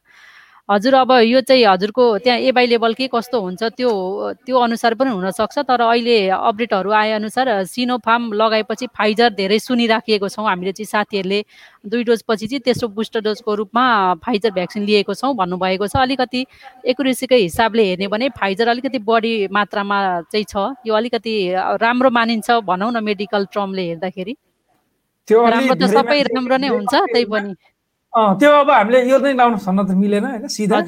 तर हाम्रो अनुभव चाहिँ धेरै कन्ट्रीमा अप्रुभ भएको र अलिक धेरै कन्ट्रीहरूमा धेरै जसो देशहरूमा यसलाई मान्यता दिएको। अहिले भर्खर यो बाह्रदेखि सत्र अठार वर्षको बिचको बच्चालाई पनि लाउन मिल्ने भनेर फेरि फाइजरले नै निकालेको छ अरे। खैर त्यो कारणले गर्दा हेर्नु न तपाईँ जुन लाउने सुविधा हजुर। त्यसै गरी दिपक पाण्डेजीले लेख्नु भएको छ सर नमस्कार म तेइस तारिक नेपाल जाँदैछु। तेइस वर्षपछि फिनिस जाँदैछु। पचास ग्रामको बालो किनेको छु। अरू सिक्री औँठी केही लान पाइन्छ कि नै जानकारी पाउन प्लिज भन्नुभएको छ। पचास ग्राम सुनको गहना लान पाइन्छ। सबभन्दा पहिला त एकदमै खुसी लाग्यो कि अब तपाईँ फिनिस नेपाल जाँदै हुनुहुन्छ। तपाईँ नेपालको बसाइ एकदम सहज होस्। गएर दुई चार महिना केही नसोचिकन आराम गर्नु होला। फेरि केही सोच्नुभयो यसो गर्छु उसो गर्छु भन्नुभयो भने अत्यास लाग्न सक्छ। फेरि फर्कौँ जस्तो लाग्छ। कुनै आफू तेइस वर्ष जुन लाइफको सबभन्दा इम्पोर्टेन्ट ठाउँ इम्पोर्टेन्ट जुन एउटा एज गुजारेको हुन्छ त्यो ठाउँलाई कति माया लाग्छ जोसुकै होस् होइन? कहिलेकाहीँ सुपरभाइजर म्यानेजरले गाली गरेर रिस उठोस् कहिलेकाहीँ चाहिँ देशको फर्किएलौँ जस्तो लागोस् र पनि नेपाल फर्किसकेपछि नेपालको गजिङ गुजिङ चाहिँ जुन देख्दा देख्दै फेरि फर्केर होइन त्यही जाम कि जस्तो लाग्छ। त्यही भएर दुई चार महिना आरामसित बस्नु होला। अनि पहिला त्यो चाहिँ कुराकानी गरौँ। तपाईँलाई बधाई छ तपाईँ फर्किने हुनुहुन्छ नेपाल। र नेपालमा केही गर्न सक्नुहोस् तपाईँलाई शुभकामना पनि छ। हजुर धेरै वर्षको वैदेशिक यात्रालाई बिट। मार्दै हुँदो रहेछ तेइस वर्ष बस्नु भएछ। पुरा लामो समय हो तेइस वर्ष भनेको त है। हुन त त्योभन्दा धेरै बस्ने साथीहरू पनि हुनु होला अँ, खैर हुनुहुन्छ। पचास ग्रामको सुनको गाना लैजाँदाखेरि चाहिँ तपाईँले भन्सार तिर्नु पर्दैन तर त्योभन्दा बढी लानुभयो भने निश्चित रुपियाँ तिरेर पर ग्राम पाँच सय पचास रुपियाँ तिरेर लानु पाइन्छ। भन्सारमा पनि। त्यही हो। तर एउटा कुरा छुच्च भनिहालौँ। तपाईँको पचास ग्राम भनेर ठ्याक्कै अब यो पचासै ग्राम छ अब अरू एउटा अर्को पनि एउटा औँठी लाउनु भएको छ भने खोइ निकाल्नुहोस् त जोखौँ भनेर ठ्याक्क जोखिहाल्ने भन्ने हुँदैन अब पचास साठी सत्तरी ग्राम त्यस्तो भयो भने पनि। तपाईँ हामीले नर्मल युज गर्दाखेरि त्यस्तो साह्रो अप्ठ्यारो मान्नु चाहिँ पर्दैन है यो सर यहाँ आरबी सरलाई एउटा क्वेसन आएको छ यहाँ मलाई पर्सनल म्यासेज गर्नुभएको छ एकजना साथीले। यो अहिले सुरुको कुरा चल्दै गर्दा मोबाइलको कुरा नि गरिदिनुहोस् न कतिवटा मोबाइल लान पाइन्छ जस्तो यहाँ अनलाइन सिस्टमको कुराहरू छन्। अलिकति क्लियर पारिदिनु भनेर यहाँ मेसेज आएको छ। RP sir. यो चाहिँ मोबाइलको कस्तो छ भने सर मोबाइलमा चाहिँ तपाईँको अहिले अहिलेसम्मको नेपालको रुल्स अनुसार चाहिँ एकजना व्यक्तिले एउटा मोबाइल भन्ने छ। होइन भन्सार नतिरी लान पाइने एउटा मोबाइल भन्ने छ। एउटा मोबाइल त साह्रै लाजै मर्दो कुरा भयो। दुइटा मोबाइल त नर्मली आफैसँग प हुन्छ एउटा घरको लागि लैदिनु पर्ने होला। अब पहिला पहिला चाहिँ दुई तिनवटा मोबाइल लाँदाखेरि पनि एयरपोर्टबाट केही कहिले कसैलाई समस्या आएन। होइन किनभने नेपालमा खुरखुर चल्थ्यो। अब अहिले चाहिँ ने विदेशबाट नेपाल लैजाने मोबाइलमा नेपालमा आइएमइआई भन्ने हुन्छ होला त्यो रजिस्टर गर्नुपर्ने हुन्छ। अब त्यो रजिस्टर गर्नको लागि चाहिँ कि भन्सार छुट भएको पेपर कि चाहिँ भन्सार तिरेको पेपर अपलोड गर्नुपर्ने हुन्छ। त्यो कारणले गर्दा अहिले भन्सारमा कतिवटा मोबाइल छुट दिने त भनेर सायद कार्य नियमले बन्दैछ। त्यो बनिसकेपछि ठ्याक्कै थाहा हुन्छ दुईवटा तिनवटा तिनवटासम्म छुट होला अथवा दुईवटासम्म छुट होला। सायद एउटाभन्दा त बढी नै हुन्छ होला। होइन इन केस अफ भन्सार तिर्नु पर्यो भने मानौँ तपाईँले दस हजारको मोबाइल विदेशमा किन्नुभयो त्यसको भ्यालुएसन नेपालमा दस हजार छ भने त्यसको two point five percent tax तिर्नु पर्यो एक्साइज ट्याक्स प्लस भ्याट भन्ने हुन्छ भ्यालुएटेड ट्याक्स थर्टिन पर्सेन्ट त्यति तिर्नुपर्ने हुन्छ। अब आज दिउँसो मैले एउटा भिडियो पनि बनाएको थिएँ। पन्ध्र पन्ध्र पोइन्ट पाँच भयो। ठ्याक्कै त्यस्तो भयो हुँदैन sir. Two point five percent plus त्यो दुइटै जोडेर भ्यालु होइन? जस्तै बाह्र बाह्र दुई सय पचास भयो मतलब दस हजारको। अनि प्लस त्यसको चाहिँ तेह्र पर्सेन्ट हुन्छ कि फेरि। अनि ठुलो अमाउन्टमा त धेरै फरक पर्छ नि त। अनि यसमा चाहिँ फेरि कस्तो हुन्छ भन्दाखेरि चाहिँ तपाईँको अहिलेलाई चाहिँ त्यस्तो साह्रो आत्ती हेर्नुपर्ने चाहिँ छैन। तर विदेशबाट नेपालमा कहाँनिर किन्दा सस्तो होला भनेर अनलाइनमा के चेक गर्नुभयो भने सजिलो हुन्छ। कति व्यवस्थाहरूमा चाहिँ त्यो नेपालमा अहिले भ्यालुएसन कति छ भन्ने पनि लिस्ट आउँछ। किनभने हामीले सूचना अनुसार पाइसकेका छैनौँ। हाम्रो सूचनाको हक अनुसार हामीले पाउनुपर्ने हाम्रो अधिकार हुन्छ। कि कुनको कति पर्छ अथवा कुनलाई कति भ्यालुएसन गरिएको छ भनेर एउटा सूचनै निकालिन्छ। मानव फर इक्जाम्पल कुनै एउटा मोबाइल छ तपाईँले किन्न लागेको त्यसको एयरपोर्टमा भ्यालुएसन यति छ। तपाईँले यति एक्साइज ट्याक्स र यति भ्याट तिर्नुपर्छ। र नेपालमा यसको रेट यति छ। अब तपाईँ यसो हिसाब गर्नुहुन्छ। ओहो नेपालमा यहाँ किन्दा मैले तिस हजारमा पाएँ नेपालमा चालिस हजार पर्दो रहेछ। भ्याट तिर्दाखेरि सैँतिस हजार पर्दो रहेछ भने तिस हजार फाइदा चाहिँ बोकेर जान्छु भन्न सकेँ मैले। होइन भने ठिकै छ। नेपालमै किन्यो नेपालमा यसो केही वारेन्टी हुन्छ भोलि पछि युज गर्ने भने चेन्ज गर्न पनि पाइन्छ भन्ने भयो भने नेपालमै किन्नु पनि सकियो। त्यो कारणले गर्दाखेरि चाहिँ यसलाई अँ, त्यसरी बुझौँ। अलिकति एक अलि दुई चार दिन अझै कुर्नु पर्ला जस्तो छ। अहिलेसम्म त्यो कसरी गर्ने भन्ने चाहिँ आइसकेको छैन। आजको दिन चाहिँ अहिले भर्खरकोसम्म समयसम्म। अमन मगरजीले लेख्नु भएको छ नमस्कार हजुर सबैलाई म ओमानबाट ने नेपालमा कतिवटा फ्लाइटहरू छन् होला? ओमानबाट बताइदिनुहुन्छ कि? भन्नुभएको छ। हरिसरलाई थाहा छ? कतिवटा छ मा खास ठ्याक्कै स्केड्युल राखेको छैन तर हरेक एक हप्ता अथवा दुई हप्तामा एउटा फ्लाइट भइरहेको छ। तपाईँले नेपाली दूतावासमा पनि सम्पर्क गर्न सक्नुहुन्छ र ओमनमा चाहिँ त्यही मस्कटबाट चाहिँ मस्कट अ, बाट त्यहीँको फ्लाइट पनि आउँदैछ होइन? ट्राभल एजेन्सीमै सम्पर्क गर्नु पनि राम्रो हुन्छ। जस्तो दुई हप्तामा एउटा फ्लाइट छ करिब करिब। ठ्याक्कै कन्टिन्यू फ्लाइट चाहिँ छैन। त्यो ओमनबाट नेपाल फर्किने धेरै नभएर पनि होला है? मतिराज कुशवारजीले लेख्नु भएको छ म नेपालतिर छु सर साउदी अरेबियाको भिजा सकियो अब के गर्ने होला? भन्नुभएको छ। कम्पनीसँग कुरा गर्ने एकचोटि तपाईँले कम्पनीसँग कुरा गऱ्यो भने कम्पनीले थप्थ्यो भने हुन्छ होला त्यो। अनलाइन सिस्टम चाहिँ पनि हुन्छ होइन साउदी अरबमा अनलाइन सिस्टम पनि सुरु भएको छ तर तपाईँको कम्पनीले नै त्यसको जिम्मेवारी लिने हो अब कुनै उपाय त उहाँहरूले दिनुहुन्छ होला सायद होइन? त्यही नै हो। यदि कम्पनीलाई तपाईँ चाहियो भने कम्पनीले कुनै पनि हालतमा केही न केही गर्छ। चाहिएन भने त्यस्तै छ। चाहिएन भने जस्तो-। हो। कुवेतमा अहिले छ महिनामा तेइस हजार मान्छे तेइस हजार मान्छेलाई निकालिएको छ त। हो।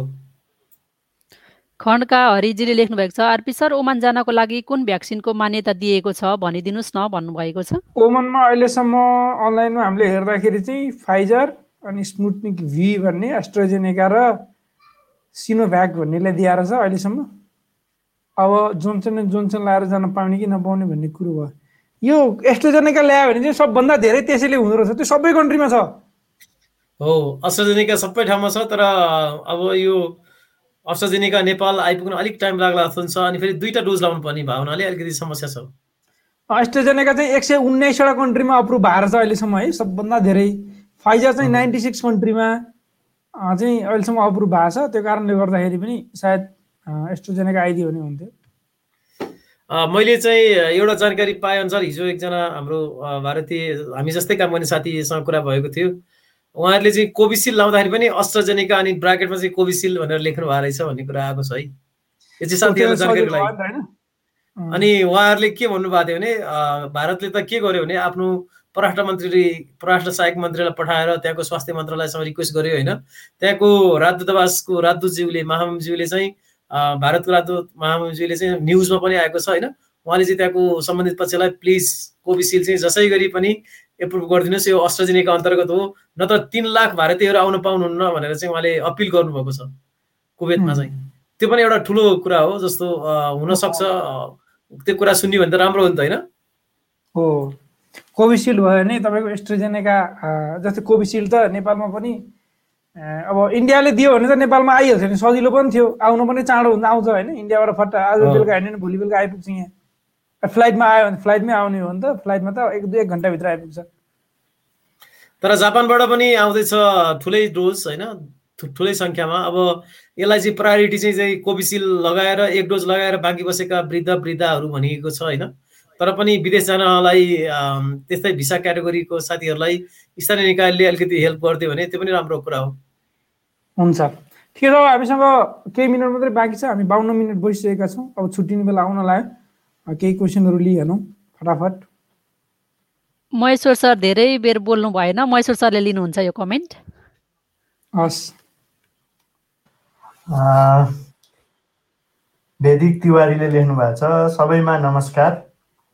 सर म मैले इन्डियामा स्पतुनिक भी लगाएको छु। भ्याक्सिन।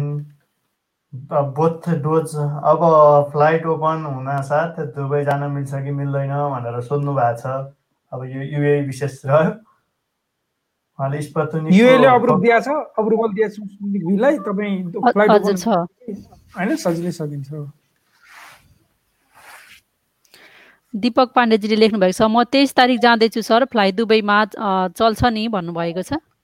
उहाँले अघि सुनको कुरा फ्लाइट गर्नु दुबईबाट नेपाल जाँदै हुनुहुन्छ कि? नेपालबाट युए जाँदै हुनुहुन्छ उहाँ? नेपालबाट त उहाँले युए तेइस तारिकमा आउनै पाउनु भएन नि सर। जाँदै होइन यस्तो। उहाँ चाहिँ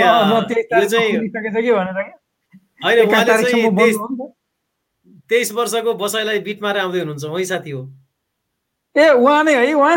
ओहो ल ल बधाई छ सर बधाई। ल तपाईँ कुन ठाउँमा हुनुहुन्छ यसो हामीलाई म्यासेज पठाउनु होला नेपालको कुन ठाउँमा के गर्नुहुन्छ? यसो। नारायण खड्का छेत्रीजीले लेख्नु भएको छ सर म बुटोलमा बस्छु। मेरो गाउँ अ, वडामा जोन्सन एन्ड जोन्सन भ्याक्सिन आएको छैन। जोन्सन भ्याक्सिन सरकारी हस्पिटलमा आएको छ भनेर भनेको छ। हामी न्यू भिजामा जानेलाई मिल्छ कि मिल्दैन होला सर? केही जानकारी पाउन पाए राम्रो हुन्थ्यो भन्नुभएको छ। एकचोटि उहाँलाई सप्तरी हस्पिटलमा फोन गरेर कहाँ हस्पिटल हो त्यहाँ फोन गरेर सोध्नु भयो भने सबभन्दा बेटर हुन्थ्यो।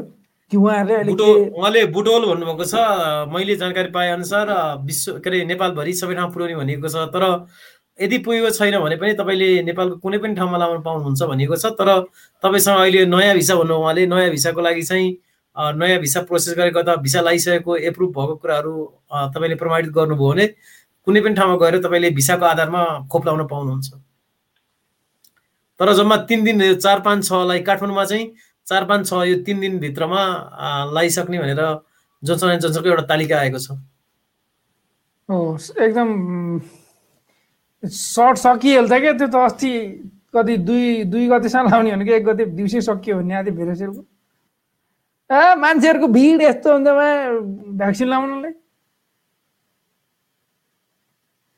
हजुर किरण वि विवशजीले लेख्नु भएको छ नमस्ते सबैजनालाई पच्चिस तारिक मेरो टिकट छ क्वारेन्टिन बस्नुपर्छ कि पर्दैन होला जानकारी पाउन के कस्तो छ? भन्नुभएको छ। तपाईँले भ्याक्सिन लाउनु भएको छैन भने त बस्नुपर्छ ला लाउनु भएको छ भने बस्नु पर्दैन। होइन एकजना साथीले हाम्रो राजनीतिक पार्टी बडो मिठो लाग्यो मलाई थ्याङ्क यू सो मच तपाईँलाई। हाम्रो राजनीतिक पार्टी भनेको प प्रवासी एकता मन हो भनेर भन्नुभएको छ।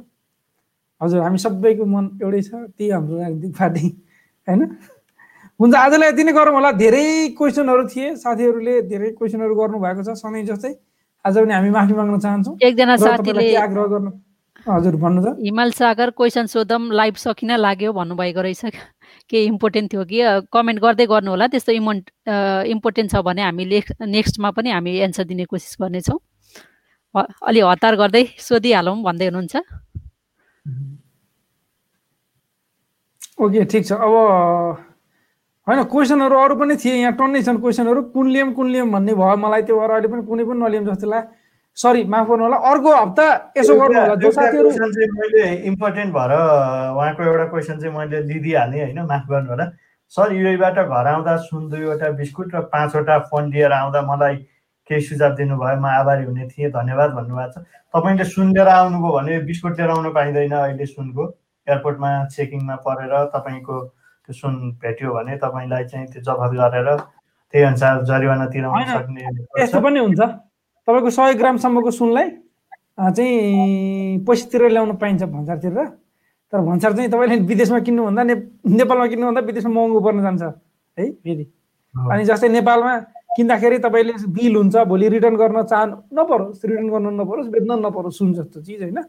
इनकेस अफ परिहाल्यो भने नेपालमा सहज पनि हुन्छ यसो हिसाब गर्नु होला र सुन चाहिँ सकभर होइन? अब फिफ्टी ग्राम पाउनेवाला सुन हो भने चाहिँ पैसा तिर्नु पर्यो फ्रीमा पाइएन। पाइएन अनि अब उहाँले मानौ न चेकिङ भएन भनेर चाहिँ फुत्त निस्किन लाग्दाखेरि फेच्याप्प समाइदियो भने फेरि त गयो। त्यो पाँचवटा फोन भन्नुभएको छ। उहाँले पाँचवटा फोन भन्नुभएको छ। पाँचवटा मोबाइल फोन। पाँचवटा फोन चाहिँ अलि गाह्रै होला जस्तो लाग्छ है। अब हेर्नु न। तपाईँको अब इनकेस अब परिहाल्यो भने नि कुन कुनको ट्याक्स तिर्ने हो? अब तपाईँले महँगा महँगा एक दुईवटाको छुट हुने भयो भने पनि। ठ्याक्कै तपाईँलाई यो नै भन्न सल्लाह दिन चाहिँ सकिएन फोनको पनि। अलिक धेरै नै जस्तो लाग्छ पाँचवटा चाहिँ। हुन त धेरै होइन। एउटा आमालाई चाहियो बुवालाई चाहियो भाइलाई चाहियो होइन। बिहा गर्नुभएको छ श्रीमतीलाई छोरो छ भने छोरालाई त्यो युट्युब किड्स हेर्नलाई पनि चाहिन्छ एउटा। छोराछोरी जो भयो भने छोरी भनौँ। तर जेसुकै होस् अब हामीलाई चाहिँ धेरै जस्तो लाग्दैन। अझै त्यति हुँदा हुँदै पनि उता भान्जाले चाहिँ खोइ मामा मलाई फोन छैन। भन्छन् होला अर्को समस्या। त्यत्रो बोक्नु सक्दैन नर्मल स्यालेरी खानेहरूको लागि त यो एक दुई वर्षको कमाइ त सिद्धि त। फोनमै होइन। सर फेरि मोबाइल भनेको चाहिँ अहिले घर परिवारको कमन डिमान्ड नै हो सबैजनाको। आउँदाखेरि मोबाइल ल्याइदिनु होला यो मोबाइल चाहिँ के पनि हुँदो रहेछ भने यहाँ एकैचोटि बिस हजार पच्चिस हजार हाल्नु पर्यो। ओहो आमामा बिस हजार भन्ने उहाँ त आफूले कमाउनु परेको छैन ल्याइदियो भने भएर सिद्धि कि। सजिलो। एउटा मोबाइलै ल्याइदिएन भन्छन् फेरि होइन ल्याइदिएन भने। एउटा मोबाइलै ल्याइदिएन बडो पीडा छ। यो पीडाको बारेमा चाहिँ अर्को दिन कुराकानी गरौँला बडो ठुलो पीडा छ सबैको। सबैको कमाउने पीडा हो फेरि। ल्याउँदिन भन्न पनि सकिन्न लान लान पनि बडो अप्ठ्यारो अप्ठ्यारो परिपरि लैदिनु पर्ने हुन्छ। कति साथीहरूलाई पक्कै पनि छ। त्यो त्यो पीडा आफ्नो ठाउँमा छ हामी कुनै बेला कुराकानी गरौँला आजको लागि चाहिँ अरू साथीहरूलाई के भन्न चाहन्छु जो पछि पछि आएर कमेन्ट गर्नुभयो उहाँहरूले हाम्रो लाइभ सुरु हुने बित्तिकै आएर सुरु सुरुमा कमेन्ट गर्नुभयो भने हामीले सुरुदेखि कमेन्टहरू लिने गर्छौँ। र तपाईँको कमेन्ट पनि पक्का हामीले पढ्न भ्याउनेछौँ सक्नेछौँ अहिलेको लागि नसकेकोमा माफ गर्नु होला आज्ञा चाहन्छु? जहाँ हुनुहुन्छ जस्तो हुन्छ स्वस्थ रहनुहोस् र यो ईदको समयमा चाहिँ सुरक्षाका उपायहरू एकदमै अपनाउनु होला हस्त धन्यवाद। सुरक्षाका अपनाहरू अप्नाउँदै यो छुट्टीलाई बडो मस्तीसँग बिताउनु होला ईद मुबारक होइन? ईद मुबारक। ईद मुबारक। छुट्टी मुबारक।